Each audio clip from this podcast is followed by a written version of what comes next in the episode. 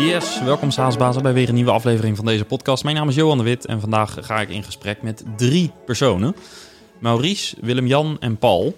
Want enige tijd geleden maakten we een aflevering, nummer 161, over non-dilutive funding. En daarop kwamen behoorlijk wat aanvullende vragen binnen. En voornamelijk in de trant van wanneer moet ik kiezen voor zo'n alternatieve manier van financieren.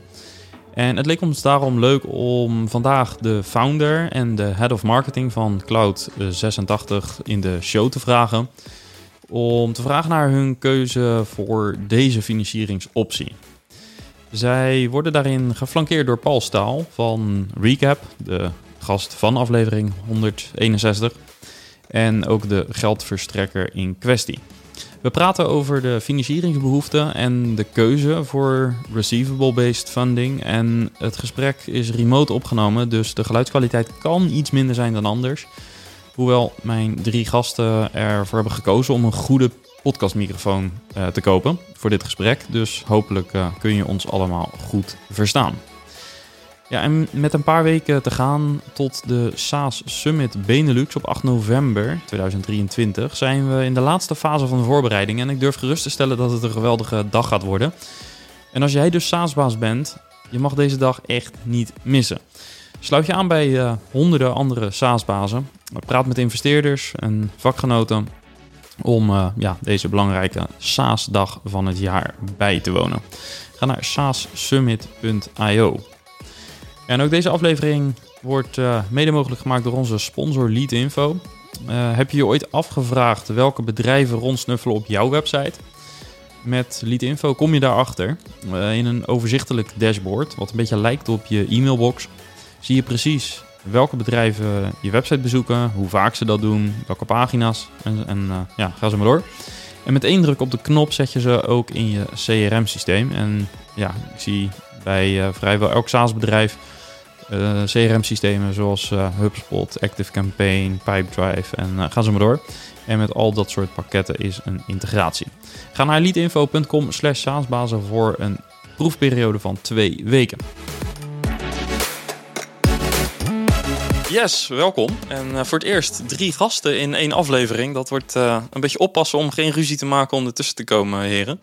dus laten we even beginnen met wat namen en rugnummers. We hebben Maurice, de medeoprichter van Cloud 68. 86, sorry. uh, we hebben Willem-Jan, ook van uh, Cloud 86, Head of Marketing. En we hebben Paul Staal, een bekende vanuit de show. Aflevering 161 van uh, deze podcast was je ook te horen, Paul. Welkom allemaal. Dank. Dankjewel. Ja, dus we gaan even zoeken naar hoe we dit. Uh, we, nemen dit remote op ook. Dus uh, dus even zoeken naar hoe we deze setting goed, uh, goed kunnen, kunnen invullen. En er staan ook meerdere thema's vandaag op het, op het programma. zo gaan we praten over funding. Ik zou bijna zeggen over alternatieve manieren van fundraising. maar voordat we dat gaan doen, wil ik eerst even langs wat andere thema's. Want ja, met jullie bedrijf, jullie hebben een hostingbedrijf. En dat is net als bij een SaaS-bedrijf, denk ik, grotendeels gebaseerd op abonnementen. En ik ben benieuwd welke learnings je hebt opgedaan op een aantal specifieke onderdelen. Dus laten we die eerst eens langs gaan. Maar misschien voordat we dat gaan doen, een korte introductie. Maurice, ik wil met jou beginnen. voordat je deze start-up begon, had je al een soort gelijk bedrijf, ook een hostingbedrijf. Wat is de founding story van Cloud86? Uh, de founding story is een uh, geweldig idee op een bierveeltje. En de uiteindelijke doelstelling was het financieren van een rekening in de kroeg. Nou ja, goed, dat, dat hadden we binnen twee, drie maanden wel voor elkaar, volgens mij, zonder elke dag dronken te zijn. Maar ehm, nee, klopt. ik, heb, ik heb hiervoor een ander hostingbedrijf gehad. dat heette So Hosted. 2003 opgericht. Um, nou ja, inderdaad, zoals ik zeg, vanaf een bierveeltje. Um, we hebben volgens mij in 2004 uh, een keer een geweldige campagne via Radio 538 uh, destijds uh, gedaan. En dat heeft wel echt gezorgd voor de tractie die we nodig hadden om gewoon snel door te groeien. Um, nou ja, fast forward. ik heb dat bedrijf bijna 15 jaar, iets meer dan 15 jaar heb ik daar gezeten.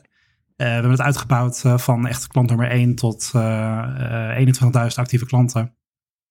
Op het moment dat ik wegging. En um, Volgens mij, we zaten met ongeveer 25, 25 eh, medewerkers. Dus dat, uh, ja, dat is dat eigenlijk een, een, hele lange periode, een grote periode van mijn leven ook geweest. Ja, ja en, en wat was uiteindelijk voor jou de, de reden om nog een keer dit te gaan doen? En, en de tweede vraag zou zijn, wat wilde je fundamenteel anders gaan doen? De reden om het nog een keer te doen is dat ik voor mijn gevoel nog lang niet klaar was. Ik, ik, ja, ik, elke dag sta ik met een lach op. Heb ik, sta ik te trappelen om naar kantoor te gaan. Mijn vriendin wordt er helemaal gek van. Um, nee, ik vind het gewoon dom en veel te leuk. Uh, uitdagingen zijn groot. Uh, elke dag is anders. Uh, het is ook een maand van 24-7 business. Want of nou dag en nacht, het gaat de hele wereld over. Iedereen is wel met, links of rechts van verbonden met nou ja, e-mail of een website of webshop, zeg maar. Dus ik denk dat dat, dat was sowieso een reden om, om um, in ieder geval sowieso weer opnieuw te beginnen. we hadden een hele hoop plannen. Um, die we sowieso nog willen uitvoeren. Nou ja, uh, hens uh, de, de start van uh, Cloud 86 in, even denken, april 2019. En je stelde nog een tweede vraag, maar die ben ik even kwijt. Ja, wat je fundamenteel anders wilde gaan doen.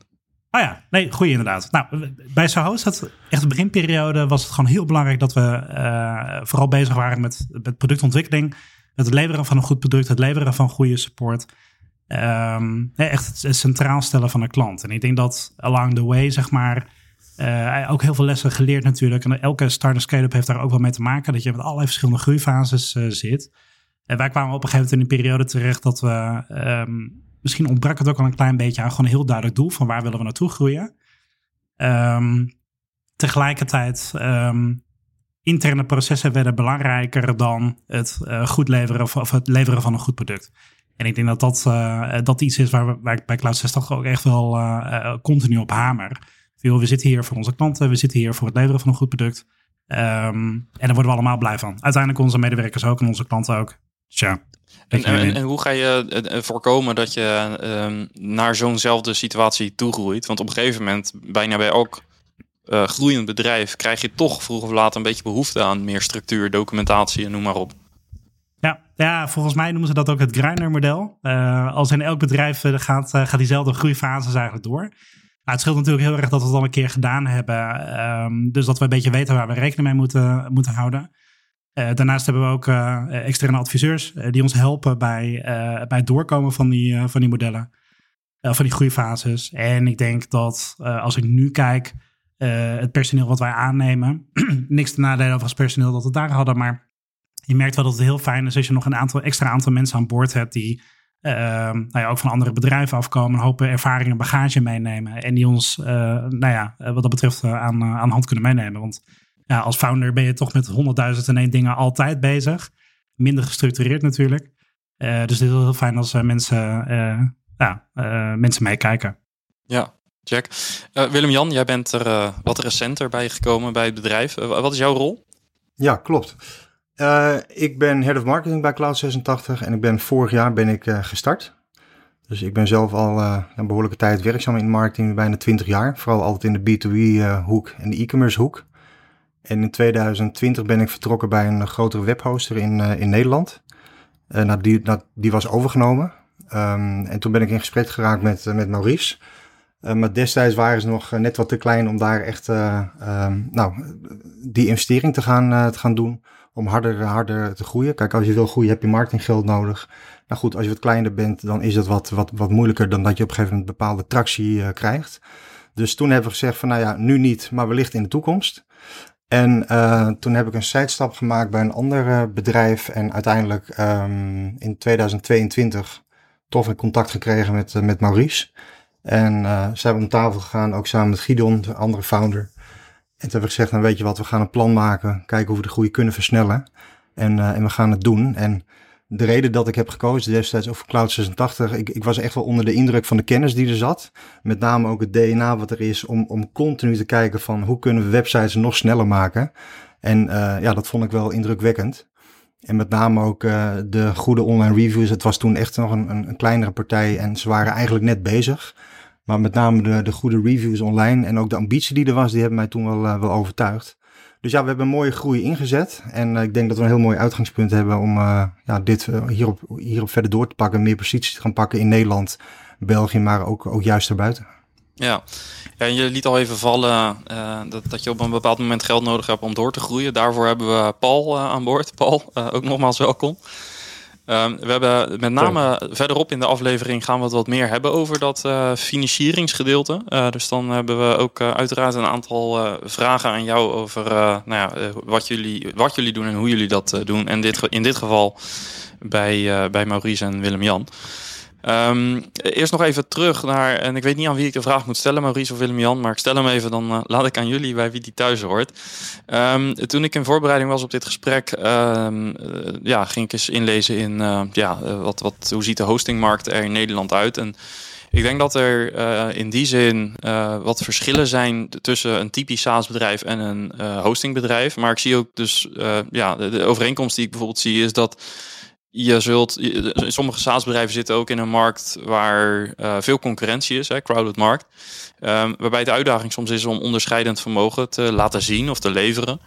Um, hoe, hoe, zorg je er als hostingpartij voor dat je kunt onderscheiden in zo'n crowded markt? En je kan toch niet laten om gewoon te vragen, is hosting ook niet gewoon een beetje een commodity?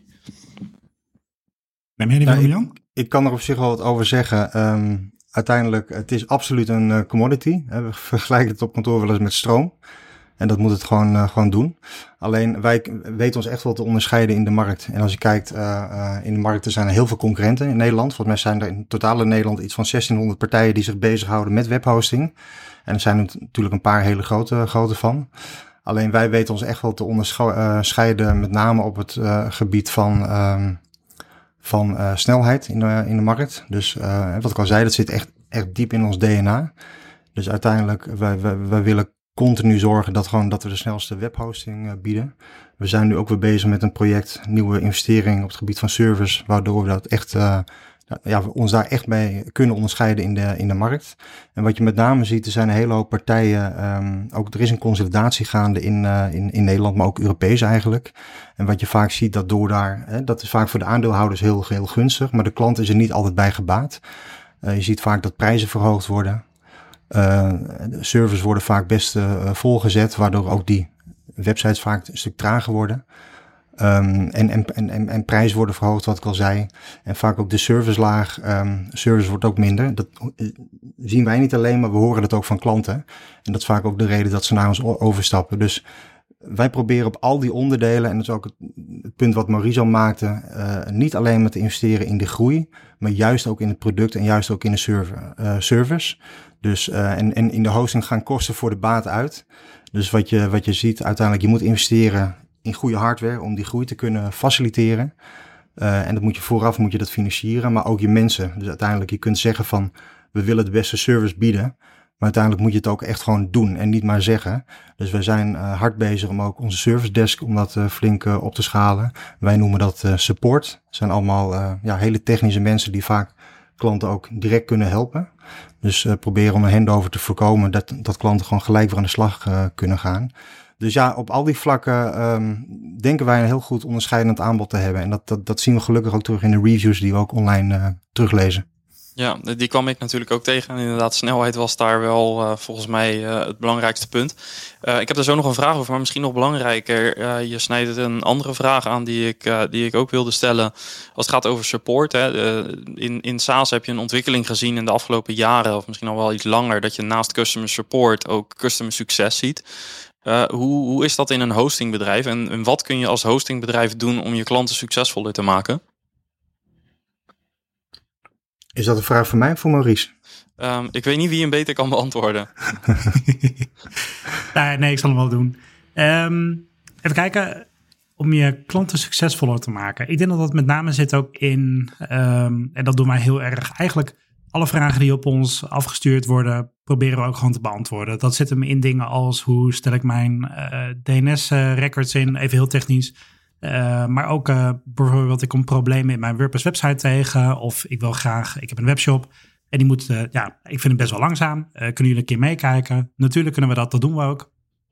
Um, ik denk dat het met name dat soort dingen zit. Dus er zijn natuurlijk, hosting begint wel een beetje een commodity te worden. Of is het misschien ook al wel, net zoals je telefoonbewijzen van. Iedereen heeft het ook, of steeds meer mensen gaan het ook al nodig hebben.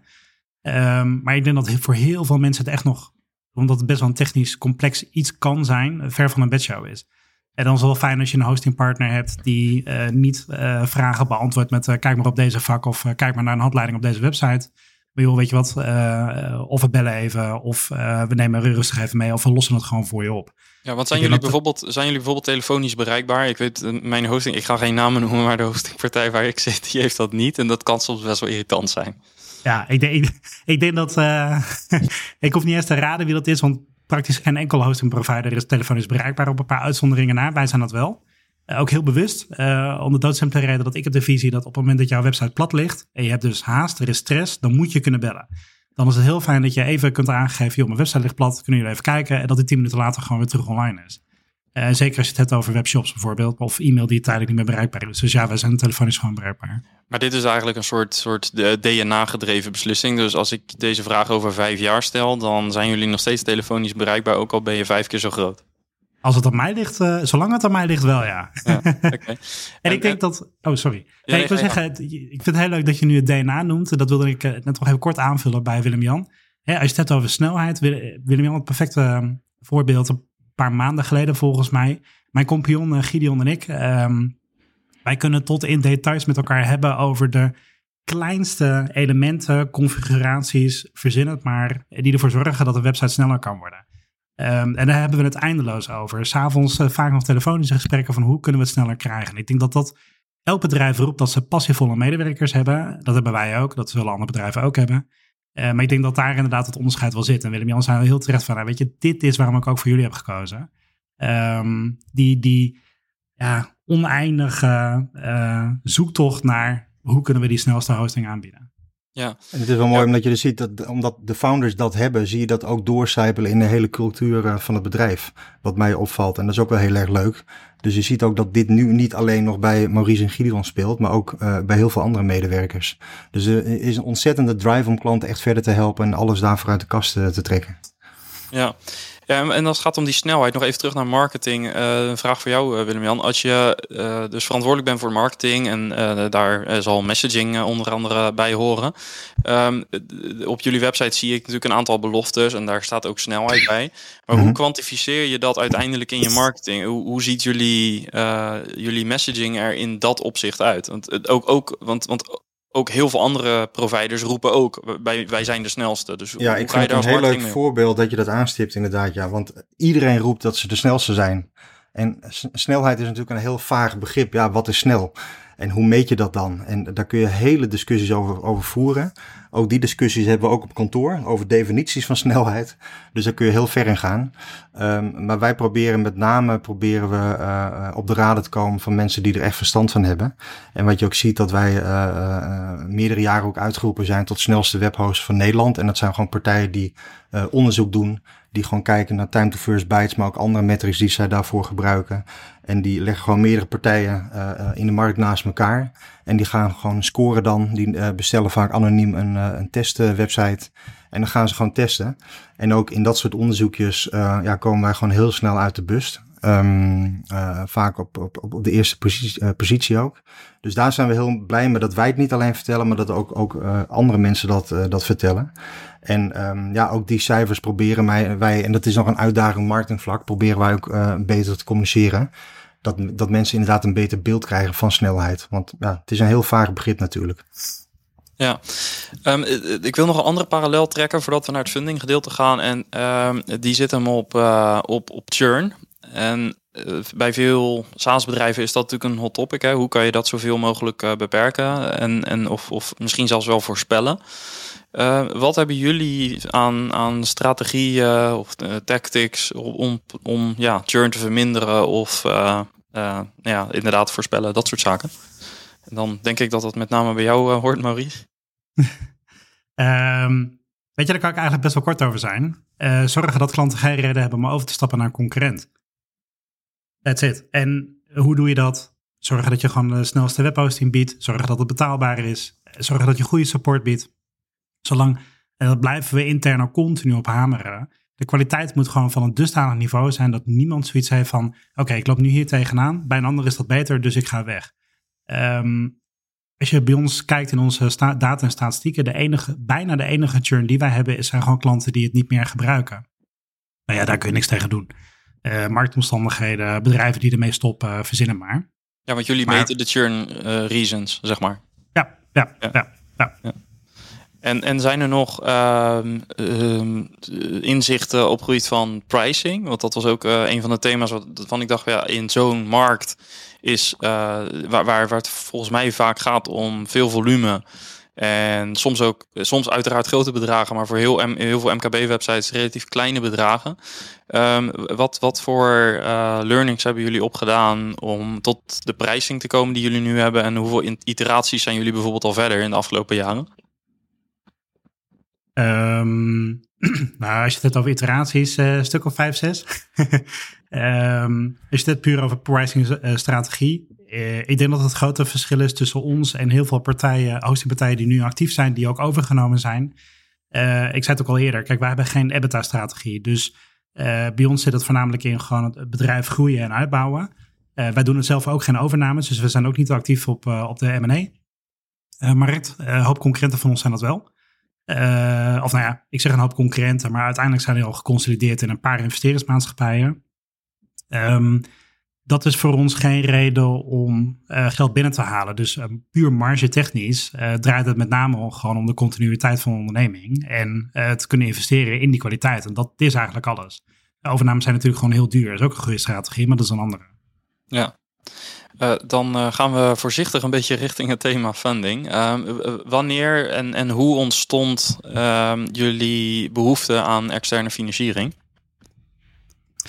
Um, wanneer? Eigenlijk altijd al. Uh, zoals Willem-Jan ook al eerder aanstipte, is dat veel kosten gaan voor de baten uit. En dat zit er met name in marketingkosten natuurlijk. En in ons geval ook in hardware. Nou, ik denk dat zoals hardware onze grootste kostenpost is. Uh, het moet direct aangeschaft worden en ergens in de komende periode kunnen we klanten daar ook daadwerkelijk op plaatsen. dus eigenlijk van die behoefte vandaan. En uh, heel makkelijk, maar ik ben alweer je tweede vraag kwijt. nou, uh, wanneer die is ontstaan en hoe die is ontstaan. Dus wat was de aanleiding om echt actief te gaan kijken naar een financiering?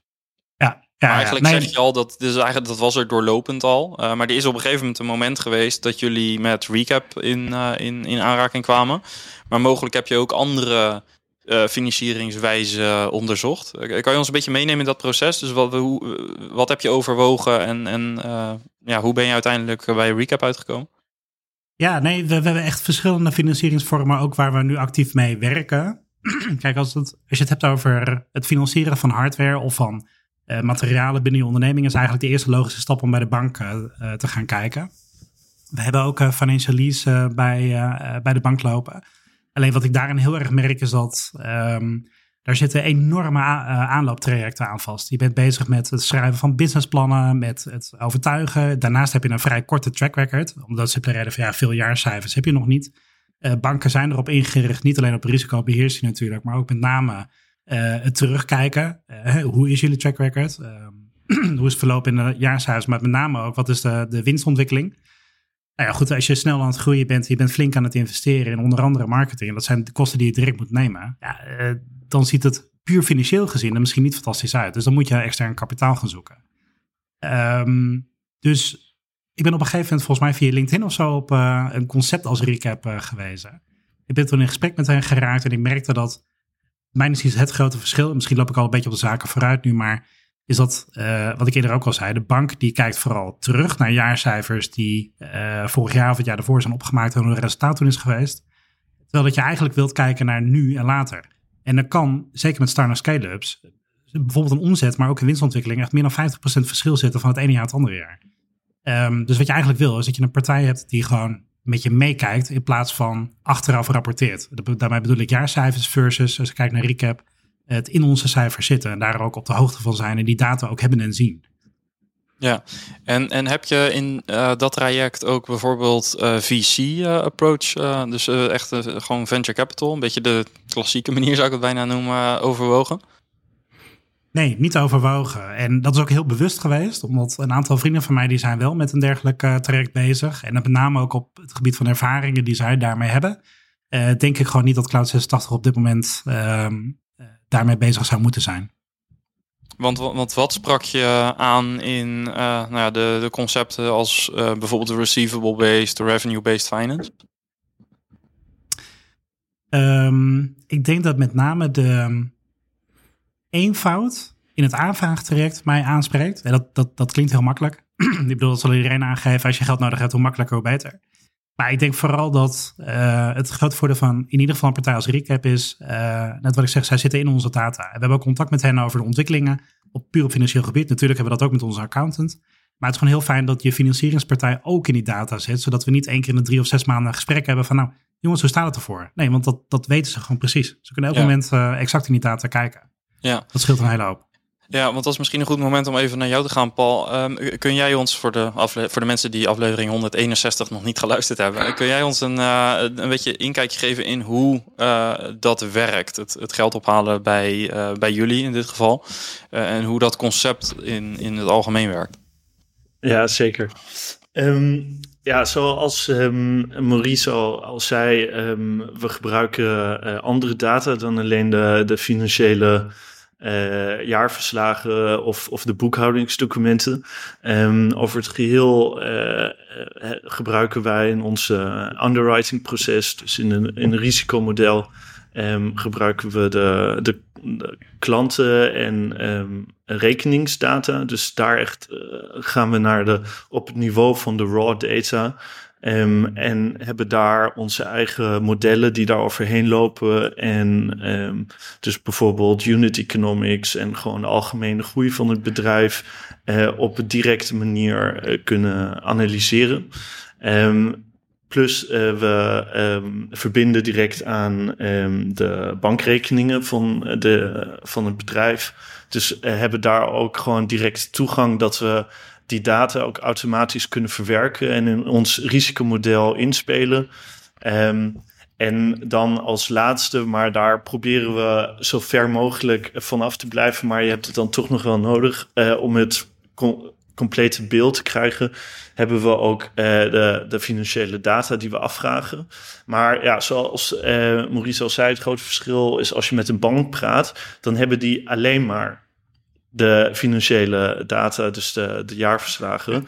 En um, als, als het gesprek zich alleen maar daarop betrekt, van wat daarin staat, um, heb je een heel raar gesprek. Omdat als je als jong bedrijf dat net eh, twee jaar oud is, um, dan financiële documenten bespreekt die, die zes maanden of nog ouder oud zijn, dan ziet de wereld alweer heel, heel anders uit.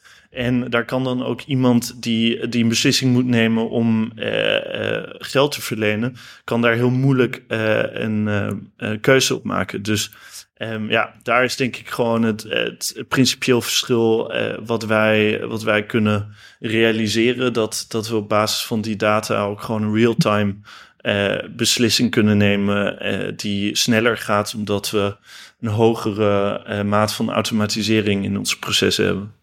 Ja. En ik wil daar wel wat op toevoegen als dat mag. Um, Maurice en ik hebben uh, heel veel discussies gehad en gesprekken over het groeiplan. En uh, we hebben heel goed in het snotje van wat levert een klant op? Uh, wat, wat, wat kunnen we betalen voor een klant? wat is de churn ratio? Hè? Hoeveel klanten moeten we groeien? Wat verliezen we onderweg ook? Dus uiteindelijk hebben we heel duidelijk maand per maand hebben we dat meegenomen in ons groeiplan. En hebben we goede gesprekken over. En wat Recap dus heeft, uh, die heeft een dashboard waar je dus een hele hoop stats uh, terugziet. Dus het is eigenlijk een, een extra controlemechanisme. Uh, om ook vanuit die hoek, vanuit hun cijfers te gaan kijken. Oké, snijdt het allemaal hout met hoe wij tegen de cijfers aankijken. Dus we kijken enerzijds in het dashboard van Re Recap. Maar anderzijds houden we ook onze eigen cijfers heel goed bij. En daar ga je ook steeds meer van leren als bedrijf. Van hey, we kunnen misschien toch anders naar die cijfers kijken. En misschien hey, uh, kunnen we nog onze groei gaan versnellen. Omdat we gewoon dat we een gat zien ontstaan of een, of een opportunity. Ja, en, en, dat is wel heel mooi om te zien. Dat ja, we die data wat, echt gebruiken. Ja, want wat hebben jullie concreet geleerd uit die uh, manier waarop uh, Recap naar jullie aanvragen? Of nu, nu je bent aangesloten, hoe ze naar jullie data kijken? zal ik die...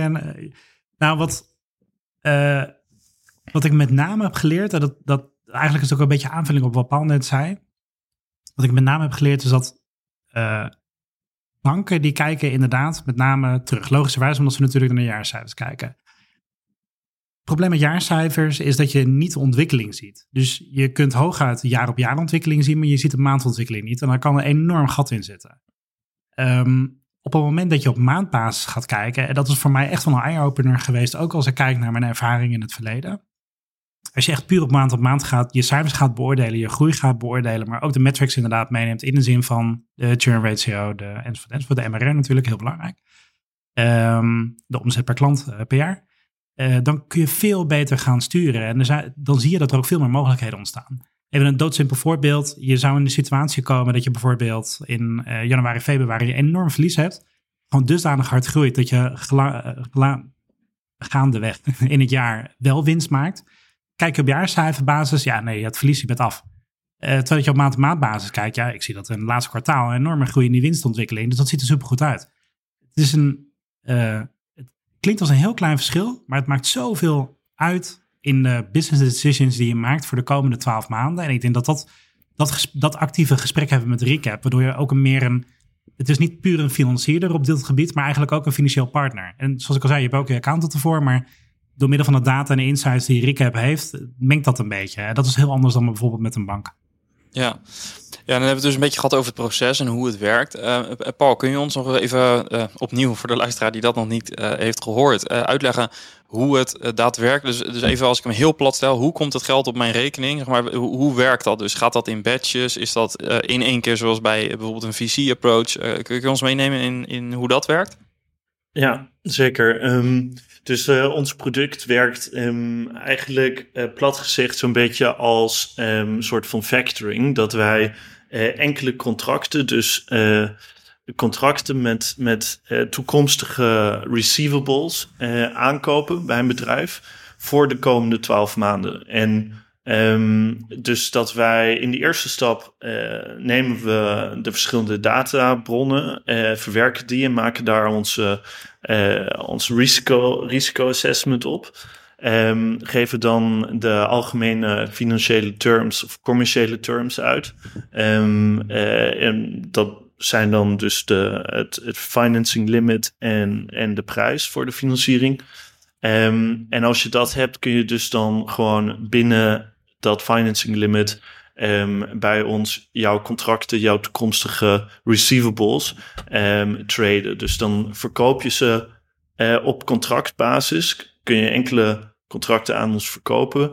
Wij betalen je daarvoor upfront gewoon voor de komende twaalf maanden uh, uh, het geld uit binnen uh, normaal gesproken een paar dagen.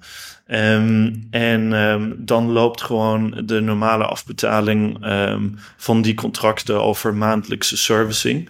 Dus dan kijken we elke maand van bijvoorbeeld als je nu klant uh, X uh, aan ons verkocht hebt. wat zijn uh, voor inkomsten over deze klant in een maand binnengekomen? Uh, en ligt dat boven dat wat wij uh, verwachten voor, die, voor dat contract of voor, voor die klant? Um, en dan kunnen we dat geld weer terugboeken um, uh, aan ons. En um, ja, zo ongeveer werkt het eigenlijk. En, en dus, wat gebeurt er? Ja. ja. en wat gebeurt er als je veel sneller of langzamer groeit dan tijdens jullie assessment is, is, is ingeschat? Um, nou, dan verandert dat eigenlijk niet aan een, uh, aan een bestaande trade. Dus als, uh, als je bij ons uh, een trade doet um, en geld uitbetaald krijgt, dan heb je daar gewoon een, een vaste repayment schedule aan. Omdat voor elk contract is gewoon een vast bedrag maandelijks um, aan terugbetaling, wat we daarvoor nodig hebben. En dus als je dan bijvoorbeeld minder hard groeit dan jij of wij misschien hadden verwacht aan het begin, dan verandert dat niet gewoon aan het repayment schedule. Um, van uh, ja, hoeveel wij maandelijks uh, terugkrijgen. En ook niet bijvoorbeeld als je harder groeit dan verwacht, dat dat dan ook niet de terugbetaling um, aanraakt. Omdat dat is misschien een belangrijk verschil ook tussen wat wij doen, dus wat je receivable-based funding noemt en uh, revenue-based funding. Omdat vaak heb je dan bij een revenue-based funding is de terugbetaling gekoppeld aan je gewoon algemene topline revenue. Dus als je bijvoorbeeld heel hard groeit, dan betaal je ook heel snel terug. Um, en, en het effectieve, de effectieve jaarrente voor, gaat daar ook omhoog. Wat een beetje paradox is. Omdat als het je eigenlijk beter gaat als bedrijf, uh, wordt je financieringsproduct ineens duurder, omdat je sneller terugbetaalt. En ehm, dus dat is wat wij niet hebben in ons product. Dus daar hebben we gewoon een vaste repayment schedule. Ehm, en uh, misschien het laatste nog ook weer terugkomend op het thema churn. Dus bijvoorbeeld als een enkele contract um, churnt die, die je aan ons verkocht hebt, dan kan die gewoon met een gelijkwaardige contract uh, vervangen worden. En dan is het ook geen probleem. En daar letten we dan altijd ook op dat je uh, een, um, een, replacement pool hebt die groot genoeg is. En dat je altijd vervangmogelijkheden hebt. Ja, um, en nog even terug naar jou, uh, Maurice. Um, ten opzichte van uh, het geld ophalen met een investeerder, dus waarbij je gaat verwateren, uh, is dit ja, zogezegd non-dilutive. Dus je houdt ook je zeggenschap. Dat is voor sommige ondernemers een rationale. heeft dat voor jullie ook meegespeeld? ja, ja. even los van het feit dat we nog relatief klein zijn. Dus als je dat soort gesprekken aangaat, moet je natuurlijk een groot aandeel meteen opgeven. Uh, nogmaals, ik heb er zelf geen ervaring mee. Dus het kan natuurlijk heel goed zijn dat je in allerlei gesprekken allerlei afspraken daarover kunt maken. Dat, dat zal ongetwijfeld. Uh, maar hoe je het went of keert, er stapt gewoon een extra aandeelhouder aan boord. En een kapitaalkrachtig over het algemeen wanneer je te maken hebt met een VC. Um, een oude wijsheid die ik van mijn schoonvader nog heb geleerd, dat op het moment dat je mede-aandeelhouder ontzettend kapitaal, kapitaalkrachtig is en je bent het zelf niet, uh, dan kan je heel snel in de problemen komen. En ik denk dat, dat, dat ik dat ook een beetje aan het achterhoofd heb gehouden. Hè, op het moment dat het wat minder gaat en er moet geld bijgestort worden, dan kun je al snel een groot deel kwijtraken. Dus ik, ik, ja, dat heeft zeker meegespeeld. Ja. ja. Um, en dat tot slot, de, uh, ik hoorde jou Willem-Jan al een aantal keer iets zeggen over geld voor marketing. En wat, wat was, of hoe besteden jullie um, in hoofdlijnen het, het geld dat nu beschikbaar komt uh, via deze, deze fundinglijn? Ja, van oudsher um, hebben we best wel goede zichtbaarheid op het gebied van affiliate marketing. En wat ik al aangaf, er zijn veel partijen die tevreden zijn over Cloud 86. En die vinden het leuk om dat ook aan te raden aan andere, andere uh, klanten. Um, alleen wat we vorig jaar hebben ingezet is dat we voornamelijk hebben uh, geïnvesteerd in meer marketing, uh, onder andere AdWords. Dus Google en, en Bing, waar we gewoon nu veel zichtbaarder zijn. En dat ook in combinatie met campagnes op social media, wat het nog steeds heel erg goed doet. En uiteindelijk, dat is niet alleen maar het verhaal vertellen aan mensen die echt heel specifiek op zoek zijn. Maar juist ook het verhaal vertellen aan klanten van joh, ben niet tevreden over je huidige hostingpartij? Hè? Ik noemde al eerder die snelheid of gebrek aan service of een prijsverhoging. Nou goed, er is ook een alternatief. En er is een alternatief, er is een partij die dingen anders doet. Um, en, en dat verhaal moeten we nog beter vertellen. En dat, dat kun je met name ook bereiken via advertising. Uh, dus dat doen we ook op, op social media. Daar zijn we begin dit jaar mee gestart. Om ja, een wat breder publiek aan te, aan te spreken dan alleen maar de mensen die nu actief op zoek zijn naar, naar webhosting. Ja, en, en dat is een van de. is dat een belangrijk onderdeel van hoe jullie het geld wegzetten? Of, of hebben jullie, zetten jullie het ook in voor door investeren in hardware? Of ja, dat is een goede, want uiteindelijk wat, wat, wat Maurice al aangaf, hè, die flexibiliteit en die onafhankelijkheid is gewoon heel belangrijk. Dus er zijn partijen die zeggen, nou, we, we, gooien alles eh, de, de cloud in. Alleen wij maken heel bewust een keuze om onze hardware zelf te hosten. En uh, die kun je niet... Uh, ja, iedere week kun je wat bijkopen. Het is vaak een investering upfront uh, die je moet doen. Alleen dat geeft ons wel de ruimte en de flexibiliteit om continu te blijven tweaken aan die hardware, aan die configures, dat we gewoon echt het maximale eruit uh, weten te halen. Um, dus dat geeft ons ook op dat vlak, als je het hebt over product development, veel meer flexibiliteit. Juist omdat we ons, onze eigen stack, uh, stack beheren. Dus, um, en dat raakt ook weer het verhaal van Maurice. het is niet alleen maar marketing, groeigeld en vertellen dat we heel goed zijn. Maar laten we vooral heel goed worden.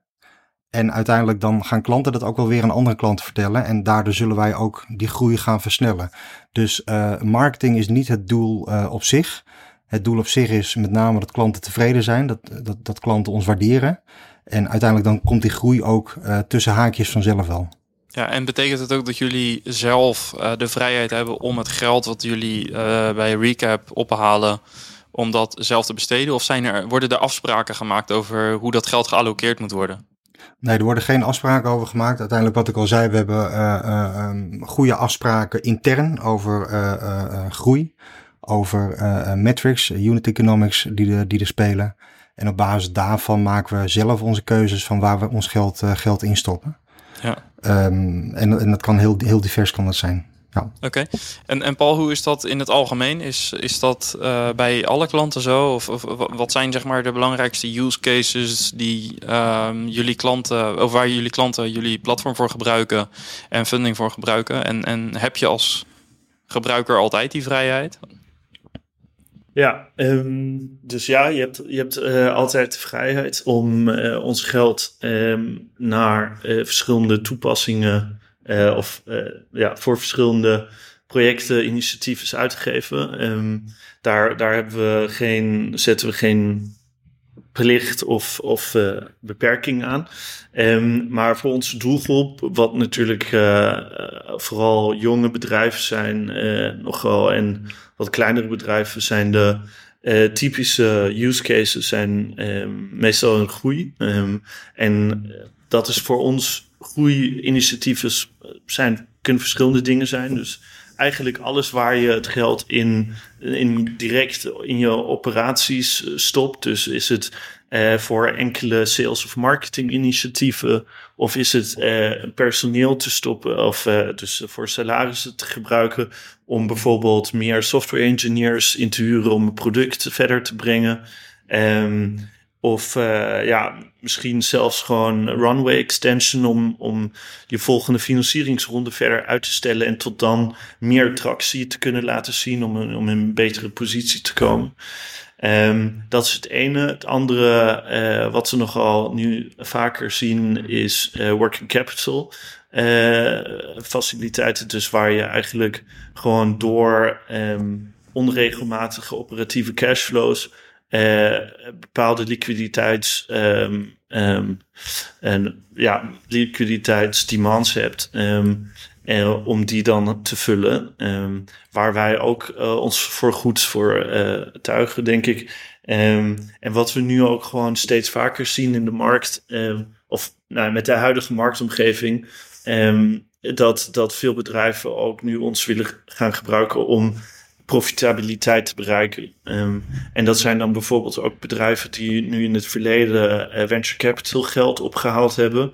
Um, maar nu, ook omdat de equity-markt zo uh, duur en moeilijk geworden is, zeggen: um, uh, ja, we willen nu geen verdere venture capital ophalen, maar we proberen nu zelf profitabel te worden.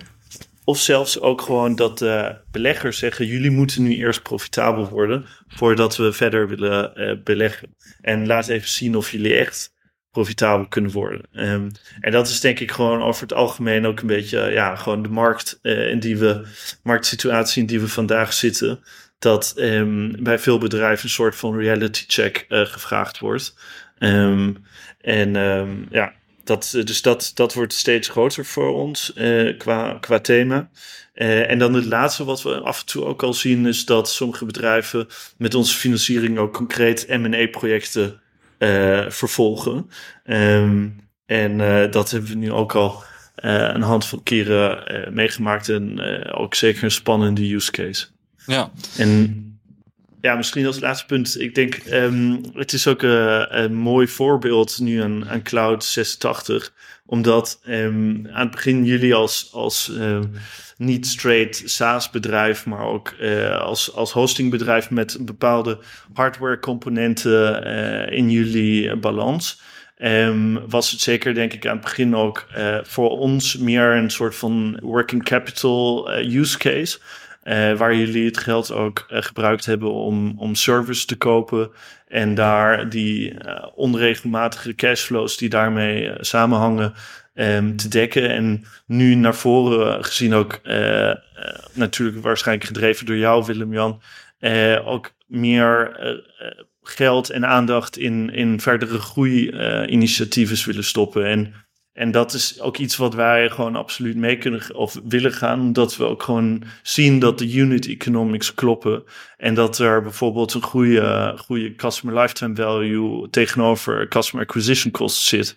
En um, dat we dat ook, denk ik, ja, uh, als heel zinvol uh, zien. Dus um, ja, ik denk daar, daar zie je dan bijvoorbeeld nu in een geval waar we eigenlijk twee use cases hebben, um, waar we mee kunnen werken.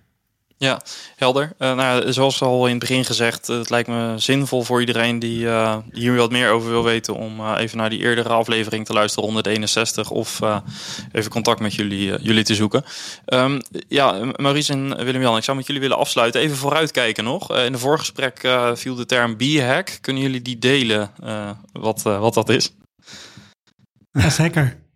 um, de Big Harry Audacious Goal, als ik me niet vergis. zo wordt het officieel genoemd. Ja, uh, ja zeker. Nee, eh, we hebben in januari 2022 hebben Gideon en ik, mijn co-founder, op tafel gezeten en geprobeerd een stip op de horizon te zetten. om gewoon, het is heel fijn om een heel duidelijk doel te hebben waar je naartoe beweegt. In ons geval is dat we willen naar de 100.000 klanten. Um, en we willen in ieder geval buiten het Nederlandstalige gebied, dus Nederland en België, ook een aanzienlijke groei realiseren. Dus ons echt ook profileren als een Europees bedrijf en niet zozeer als een Nederlands hostingpartij. Um, ja, 100.000 klanten. Uh, het is deels gebaseerd op de groei die we op dit moment eh, doormaken. Maar natuurlijk ook wel een stuk ambitie zit er nog in. Um, maar ik merk wel dat op het moment dat je zo'n stip aan de horizon zet. En het begint een beetje te leven en te wennen. Dat je toch ook als founder en entrepreneur zijnde andere keuzes gaat maken. Deels zit hem dat bij ons dan ook in um, ervaren personeel zoeken. wat niet alleen nu geschikt zou zijn, maar ook gewoon straks als we wel met nou, tegen de 100 FTE zitten, uh, die daar ook ervaring mee hebben. Uh, je gaat andere keuzes maken. Ja, en wat was de horizon ook weer voor die 100.000? Uh, eh, eind 2026. Eind 2026. Ja. En waar staan we nu? We staan nu op de 20.000 klanten. En okay. er komen er ongeveer rond de 1000 actieve klanten per maand bij. Dus, maar goed, ook als je dat doortrekt, hebben we nog steeds een hele, hele hoop te doen. Yes. Nou, mooi. We gaan het van de, van de zijlijn volgen. Uh, ontzettend bedankt voor uh, nou, delen van jullie uh, fundraising story. Maar ook de takeaways aan het begin. voor uh, SaaS-bedrijven denk ik super interessant om te horen hoe jullie kijken naar thema's als, als churn, maar ook zeker customer service en support. Um, thanks ook Paul voor nou, je tweede optreden in deze podcast. Heel graag. En nou, heel graag tot, een, tot een volgende keer. Ciao. Yes, en tot zover het gesprek van vandaag. Wil je meer weten over deze financieringsmogelijkheid? Bezoek de website van uh, Recap of uh, stuur ons een berichtje op info.saasbazen.nl. We helpen je natuurlijk graag verder. En daarnaast, kom vooral naar de summit op 8 november 2023, dus zoals in het intro gezegd. Daar uh, kom je ook het team van Recap tegen en natuurlijk nog veel, veel meer mensen. Goed, tot zover en heel graag tot volgende week. Ciao, ciao!